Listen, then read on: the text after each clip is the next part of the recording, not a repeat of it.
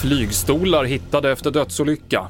Ryssland stoppar Sean Penn och nu har Tories fått en ny partiledare. Det handlar om i TV4-nyheterna.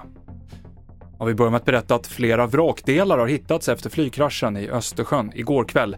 Bland annat flygstolar, uppger den lettiska flottan för norska TV2.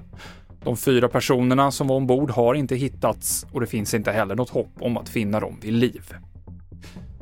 Ryssland svartlistar 25 amerikanska medborgare som ett svar på de sanktioner som USA infört mot Ryssland. Bland de 25 finns skådespelarna Sean Penn och Ben Stiller som båda har uttryckt stöd för Ukraina och träffade president Zelensky i somras. Enligt det ryska utrikesdepartementet förbjuds personerna permanent från att resa in i Ryssland.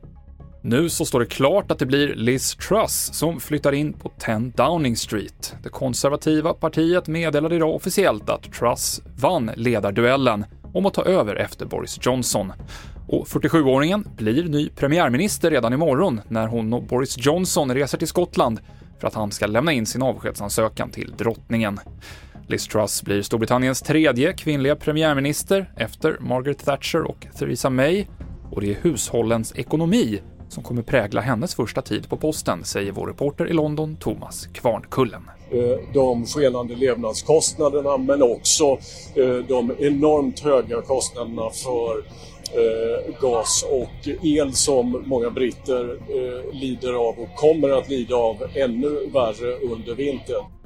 Vi avslutar inrikes. Förra veckan så uppmanade Länsstyrelsen boende i Nykvarns kommun att hålla sina husdjur inne om kvällar och nätter eftersom en varg rört sig i tätbebyggt område och misstänktes ha tagit flera katter. Det fattades även beslut om skyddsjakt och nu skriver Länsstyrelsen på sin hemsida att en vargtik har fällts nu på förmiddagen. TV4-nyheterna i studion Mikael Klintevall.